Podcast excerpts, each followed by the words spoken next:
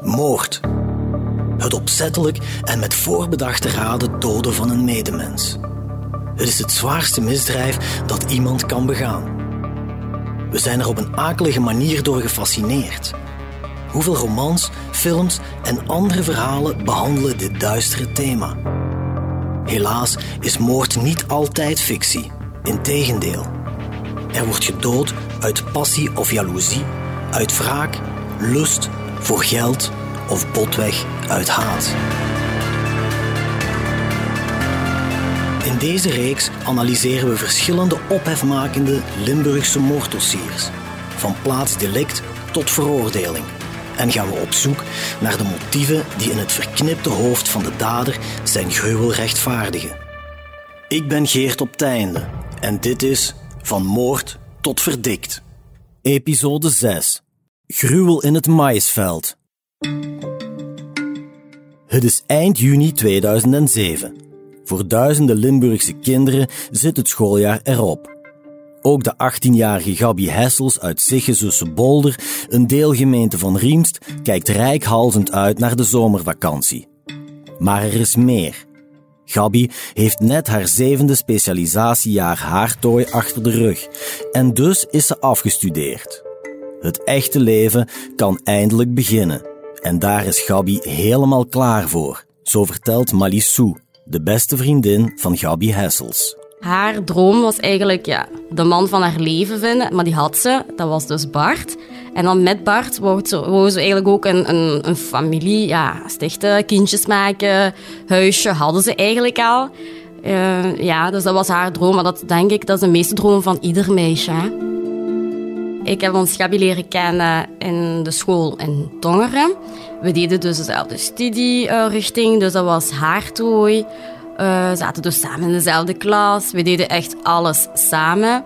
Dat was ook een heel lieve meid, een heel rustige meid.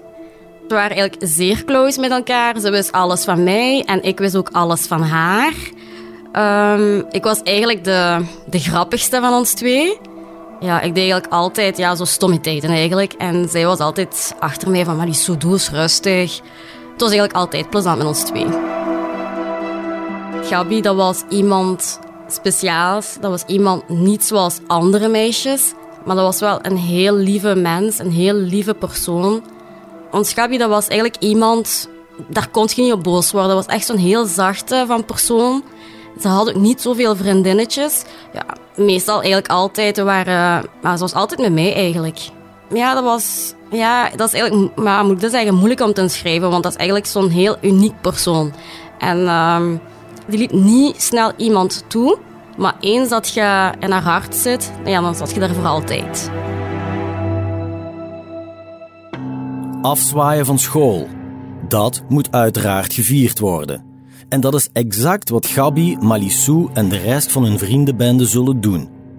Op zaterdag 30 juni vindt in Zichen de jaarlijkse openluchtvuif plaats. Een vaste afspraak voor de jeugd van Riemst en omstreken.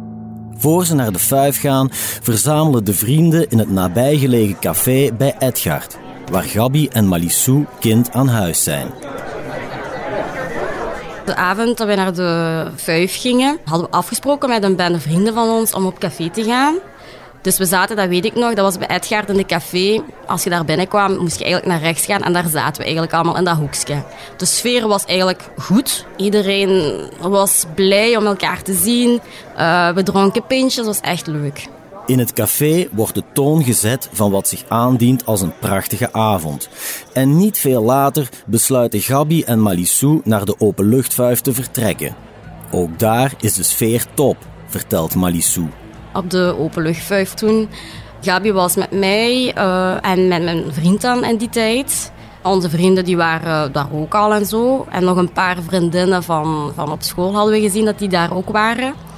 Um, en toen gingen ja, Gabi en ik, we hadden goesting om te gaan dansen. Dus we gingen dansen op het podium. En ja, we deden gewoon wat, wat ons gelukkig maakte toen. Ja, dansen.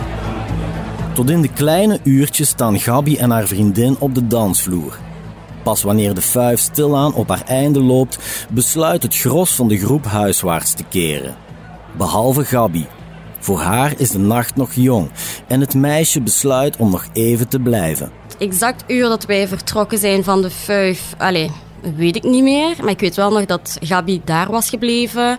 Um, ze, wou niet nog naar, ze wou niet naar huis gaan. Ze, ze, ze amuseerde zich nog. Dus heb ik gezegd van oké, jij mocht hier blijven. Ik ga naar huis, maar zijt gewoon voorzichtig. Wees voorzichtig. Het zijn de laatste woorden die Malissou met haar hartvriendin zal wisselen.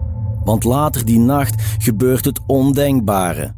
Gabi Hessels, dat lieve, speciale meisje dat aan de vooravond staat van een beloftevolle toekomst, zal nooit meer thuiskomen. Ik ben uh, Mathieu Mescoria. In 73 begonnen als rijkswachter. En in 1978 ben ik beginnen te werken in de brigade Riemst. Momenteel ben ik op pensioen, al 14 jaar. En uh, het laatste feit wat ik heb meegemaakt was voor mij het meest aangrijpende. De aangrijpende zaak waar rechercheur Miscoria over spreekt, is dus die van Gabi Hessels. Na de openluchtvuif in de nacht van zaterdag 30 juni op zondag 1 juli 2007 verdwijnt het meisje spoorloos.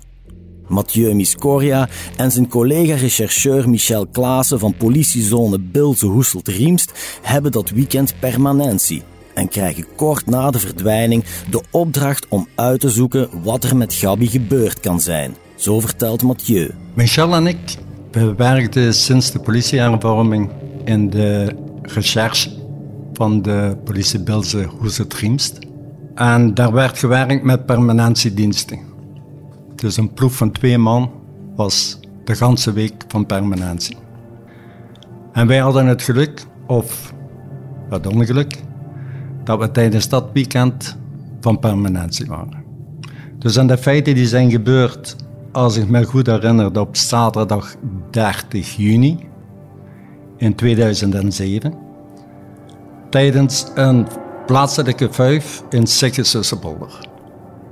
De vriendenkring van Gabi verzamelde in een stamcafé waar zij wekelijks vertoefden. En ze gingen ook samen naar de vijf in Siggesussenbolder. En Gabi is nooit teruggekeerd. Toen ik heb vernomen dat uh, ons Gabi niet thuis is gekomen, vond ik al heel raar. Dat was denk ik s morgens. Ik was toen bij mijn mama uh, blijven slapen met mijn vriend. De, haar mama belde mij op en zegt, ja, heb je ons Gabi niet gezien? Ik zeg, ja, nee. En toen wist ik al van, dat klopt niet, want zo is ons Gabi niet. Haar mama en zij, dat waren echt, ja, twee zussen. Die vertelden alles tegen elkaar. En op dat moment, wat ik dacht van, ja, ik, ik, ging, ik, ga, ik ga er niet van uit dat, dat er iets ergs is gebeurd, maar ik had zoiets van, nee, dat klopt hier niet, zo is zij niet. En als er iets zou zijn, zou ze mij bellen. Of allee, op de eerste plaats haar mama en dan mij. Dus nee, ik vond dat heel raar eigenlijk. En ik kon mijn gevoelens of wat ik dacht ook niet plaatsen. Ik had zoiets van, ja nee, dat klopt gewoon niet hier. Allee, ik vernam niks van Gabi ook niet, van waar ze was of, of, of zo voort. Heb ik besloten met mijn vriend toen in die tijd om naar haar mama toe te gaan. En ja, dan zijn we daar samen gaan zoeken, maar geen Gabi te vinden. De verdwijning van Gabi Hessels slaat in als een bom in de hechte gemeenschap van Ziggezusse Bolder. In dit dorp, waar iedereen iedereen kent, gebeurt haast nooit iets. En dan plots dit. Een jong meisje dat verdwijnt zonder een spoor achter te laten. Het kan er bij de bewoners niet in, zegt Bert Partoens, de advocaat van Gabi's ouders en zelf ook afkomstig van de streek. De verdwijning van Gabi was natuurlijk iets wat de hele omgeving beroerde. Want het was ook een periode dat er iets soortgelijk al had zich voorgedaan in het Leuvense. Met Annick van Uitsel. Dat is ook een meisje wat naar de vijf was gegaan en niet was teruggekomen. En hier speelde zich een beetje hetzelfde scenario af. Ik ben zelf niet van uh, Zigge Beholder, maar eh, ik kan me dat natuurlijk wel een beetje eh, bij voorstellen. En ik ken Zigge Beholder wel als een, een gemeente, gemeente Riemst, waar een heel, heel actief verenigingsleven is. En dus ja, dat zijn mensen, iedereen kent iedereen daar. Hè. En binnen die gesloten, beperkte gemeenschap heeft zich dat afgespeeld. Ja, dat was natuurlijk een enorme schok ja, voor iedereen, denk ik. Hè. Het is intussen zondagavond 1 juli en van Gabi is nog altijd geen spoor. Rechercheur Mathieu Miscoria en zijn collega Michel starten het onderzoek op de plaats waar het meisje voor het laatst werd gezien, op de openluchtvuif in Ziggen. De vriendengroep wordt door de politie uitgenodigd op het terrein waar de vuif de voorbije nacht heeft plaatsgevonden, in de hoop aanwijzingen te vinden die naar Gabi kunnen leiden. Tijdens die gesprekken wordt al snel duidelijk dat Erwin Lodders, een 28-jarige steenarbeider die ook deel uitmaakt van Gabi's kennissenkring, de laatste is die samen met het meisje werd gezien. Dat vertellen vriendin Malissou en rechercheur Mathieu Miscoria. We zaten samen in de zaal van de openluchtvuif. Um, om dan, ja, de, de politie wilde ons uh, vragen stellen. En ik weet het nog heel goed. Ik zat rechts of links, maar langs mij, dat weet ik nog, zat Erwin ook. En de sfeer, ik vond dat raar. Hij zat er zo... Ik zat er echt zo gespannen van, allee, wat gebeurt er nu? Maar hij zat er gewoon van, ja, hij vertelde van, nee, ik heb niks gezien, er is niks gebeurd, ik weet het niet, ik heb ze wel gezien op de vuif, maar dat is het. Erwin werd als laatste gezien met ons Gabi. En dat is ook zo. En er kwam eigenlijk ter sprake van dat, ja, dat er vermoeden waren dat hij het eventueel kon zijn. Omdat ik heb gezegd van, tegen de politie van ik vond dat al heel raar. Um, toen we op café waren toen, hij keek ons aan en hij was echt zo met Gabi bezig en zo grapjes aan maken van ja, je zit wel een lekker ding en zo. En toen we op de openluchtvuif waren, Gabi en ik, we waren op het podium aan het dansen. Die stond daar ineens voor ons, echt zo naar ons te kijken, maar vooral, die was gewoon met zijn ogen gericht naar uh, Gabi toe. En het is daarna dat ik, ik ben beginnen te nadenken van, ja nee, dat klopt hier niet. Tijdens gewone gesprekken zijn we te horen gekomen dat Lodders de laatste persoon was die gezien was bij Gabi. Ze waren samen gezien aan de frietkraam Lodders is in beeld gekomen, dus tijdens het gesprek in de zaal. En ook wel ergens door, door zijn houding, een twijfelachtige houding die hij aannam. En om zeker te zijn dat hij als laatste persoon Gabi gezien had, hebben wij hem dan meegenomen naar de brigade, naar het politiebureau, om hem verder verhoor te doen. Erwin Loders, die in Riemst bekend staat als een sympathieke, hardwerkende jonge man, wordt meegenomen naar het politiecommissariaat. Zijn vrienden blijven verbijsterd achter. Dat Erwin ook maar iets met de verdwijning van Gabi te maken zou kunnen hebben, is voor hen compleet ondenkbaar, herinnert Malissou zich. Toen Erwin werd opgepakt, um, de sfeer was eigenlijk heel gespannen de vrienden onder elkaar wisten niet wat ze net gezien hadden. En ja, ik kon er ook niet aan uit, want ik dacht echt van, allee, kom, dat is echt, dat is een vriend van ons. Ja, we konden het eigenlijk allemaal niet geloven. Allee, niet dat ik het niet kon geloven. Ik wou het misschien niet geloven. Allee, zo goed ken ik Erwin ook niet. Maar ja, de vrienden, denk ik, die hadden zoiets van, ja, nee, dat, dat, dat, dat zit niet in Erwin, zo kennen we Erwin niet.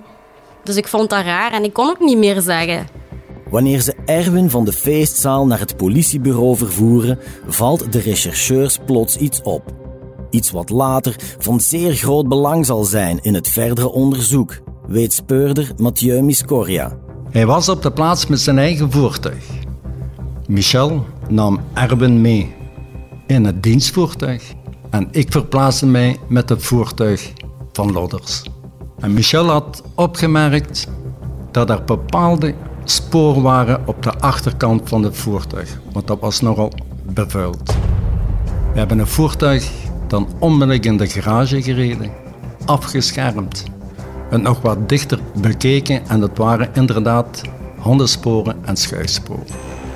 En toen wisten we in feite genoeg. We hebben onmiddellijk via het parket het labo ter plaatse laten komen voor verder onderzoek van het voertuig. De rechercheurs weten genoeg, zegt Miss Coria. De vreemde houding van Lodders tijdens het gesprek in de fuifzaal en de sporen op zijn wagen doen vermoeden dat de man meer weet over de verdwijning van Gabi. Mathieu en Michel zullen Erwin dan ook de hele nacht verhoren, hopend op een doorbraak. Daarvoor hanteren de twee doorgewinterde politiemannen een bijzondere aanpak, legt Mathieu Miscoria uit. Een echt verhoor kan ik het niet noemen. Het was meer een conversatie wat we aangingen met Lodders. En vermaakten hem de sfeer nogal gemoedelijk. Dat hij kalm kon reageren, kalm kon antwoorden. En in dit onderzoek konden we vertrekken van het feit dat Lodders als laatste contactpersoon van Gabi was gezien. Ik moet zeggen dat Lodders vrij kalm bleef. Gewoon, alsof er niks gebeurd was. En uh, het enige wat we op dat moment los kregen van hem, hij heeft Gabi voorgesteld om haar naar huis te begeleiden, bevoed, van aan de frituur tot aan de woning. Dat hij dan naar zijn broer is getrokken om de nacht verder door te brengen en zich dan nadien zou laten naar huis brengen. Dat was het enige. We hebben hem laten voelen en geloven dat zijn getuigenis wel van groot belang kon zijn.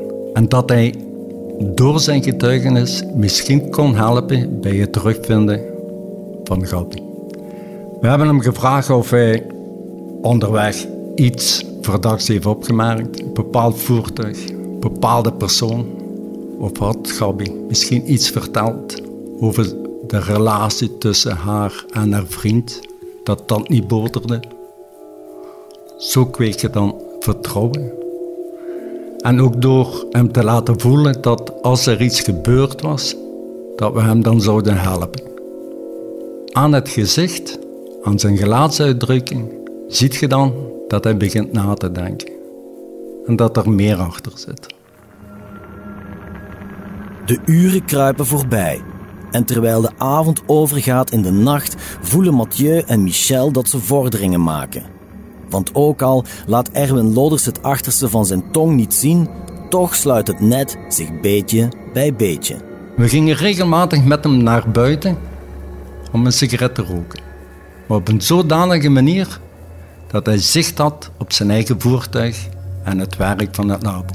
En we brachten hem dan bij dat als er iets aan zijn voertuig te zien was, dat dat altijd resultaat had. En dat lieten we doorcijpelen. We hebben hem dan verder opgesloten, in bewaring gehouden. Ondertussen zijn dan huiszoekingen verricht bij de vriendin van Londers waar hij verbleef en ook bij de vriend van Gabi. Om eventuele sporen aan te treffen, was Gabi misschien daar, was ze niet daar. En toen we terugkwamen, nog eens gepraat met Londers.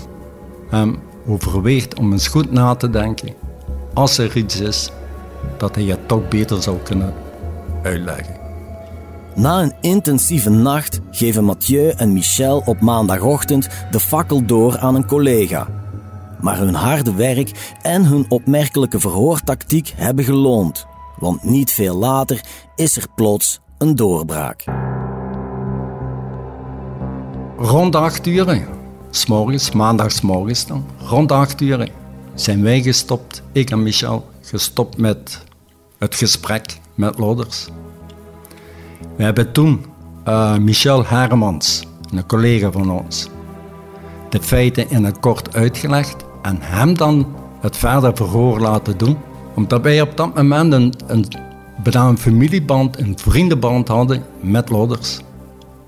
En als dan een andere persoon gaat verhoren, dan moet hij ook van tactiek veranderen. En wij hadden een, ondertussen dan de tijd om ons wat op te frissen.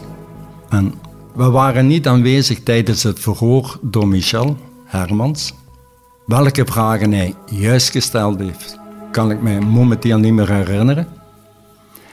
Maar ik denk ook dat die doorcijpeling van het werk van het labo, dat hij toen is beginnen laten denken dat hij er niet meer zou onderuit komen. En dat hij naar aanleiding van dat, ik denk dat het ongeveer tien uur was, dus een goed twee uur later, bekende hij de feiten. En die feiten zijn ronduit weerzinwekkend. Rechercheur Miss Coria en Bert Partoens, de advocaat van Gabi's ouders, reconstrueren tot in detail wat er die noodlottige nacht precies is gebeurd. Wel willen we u waarschuwen voor het extreem gewelddadige karakter en de vaak zeer expliciete omschrijvingen van de daden die Lodders heeft bekend. Wat normaal gezien een normale avond uit zou zijn geweest voor Gabi, eh, is dan uiteindelijk heel anders uiteraard uitgedraaid. Maar zij is dan alleen die avond naar de Vijf gegaan, zonder haar vriend, omdat die ergens anders moest zijn, op een vrijgezellenfuif, als ik me niet vergis. En dan uh, is inderdaad op het einde van de avond Lodders, die blijkbaar ook alleen nog daar was, uh, die had zijn vriendin al naar huis gestuurd, die heeft dan voorgesteld, blijkbaar om haar mee naar huis te wandelen. Bij het aankloppen aan de woning van de vriend van Gabi merkt Erwin dat hij niet reageert. Hij heeft toen Gabi gedwongen om via de achterkant de verkavelingsweg op te gaan.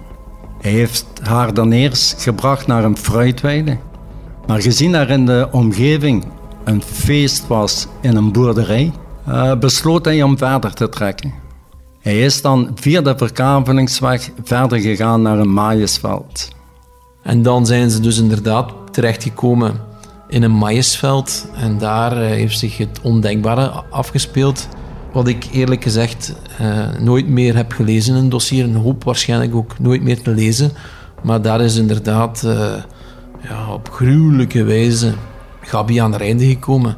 Via verkrachting met foltering. En dan echt de meest ondenkbare dingen die hij daar heeft gedaan. Op een 50 meter diepte van het veld heeft hij de daad gepleegd. De daad, de daden. Hij heeft het meisje verkracht van alle kanten, tot het meisje niet meer kon. Het heeft ook heel lang geduurd, een uur tot anderhalf uur zou dat geduurd hebben, dus dat is werkelijk een enorme doodstrijd moet dat geweest zijn voor Gabi.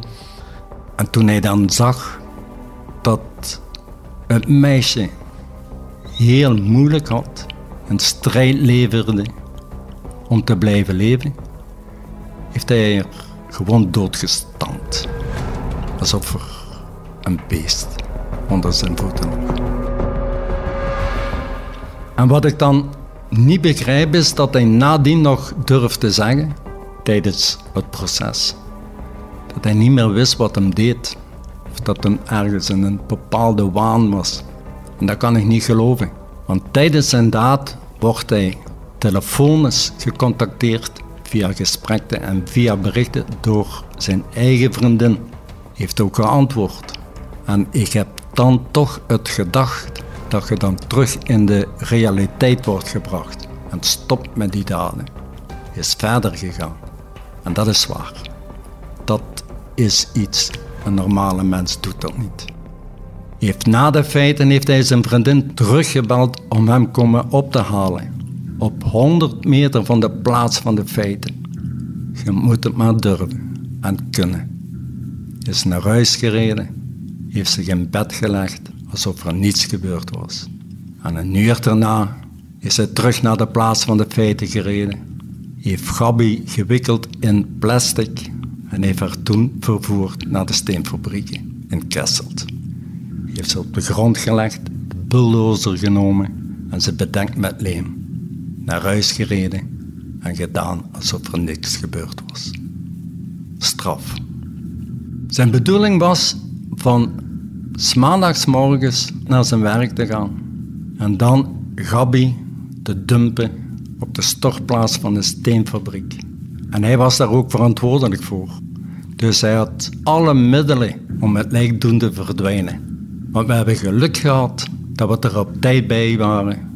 Want was hij gaan werken, hadden we Gabi nooit teruggevonden. Maar nooit, daar ben ik niet zeker van. Meteen na de bekentenis vertrekken Mathieu en Michel naar de werkplek van Loders, de steenfabriek in Kesselt, Lanaken, waar hij Gabi begraven heeft onder een berg leem. Wat de twee agenten ter plekke aantreffen, tart werkelijk alle verbeelding en zal voor altijd op hun netvlies gebrand zijn, vertelt Mathieu Miscoria. Na de bekentenis van Erwin zijn Mich en ik naar de steenfabriek gereden, de werken laten stilleggen, de hangar laten aanwijzen waar lodders normaal werkte. En daar lag inderdaad één grote berm leem en een kleinere. We zijn dan beginnen te schuppen in de kleinste limberg.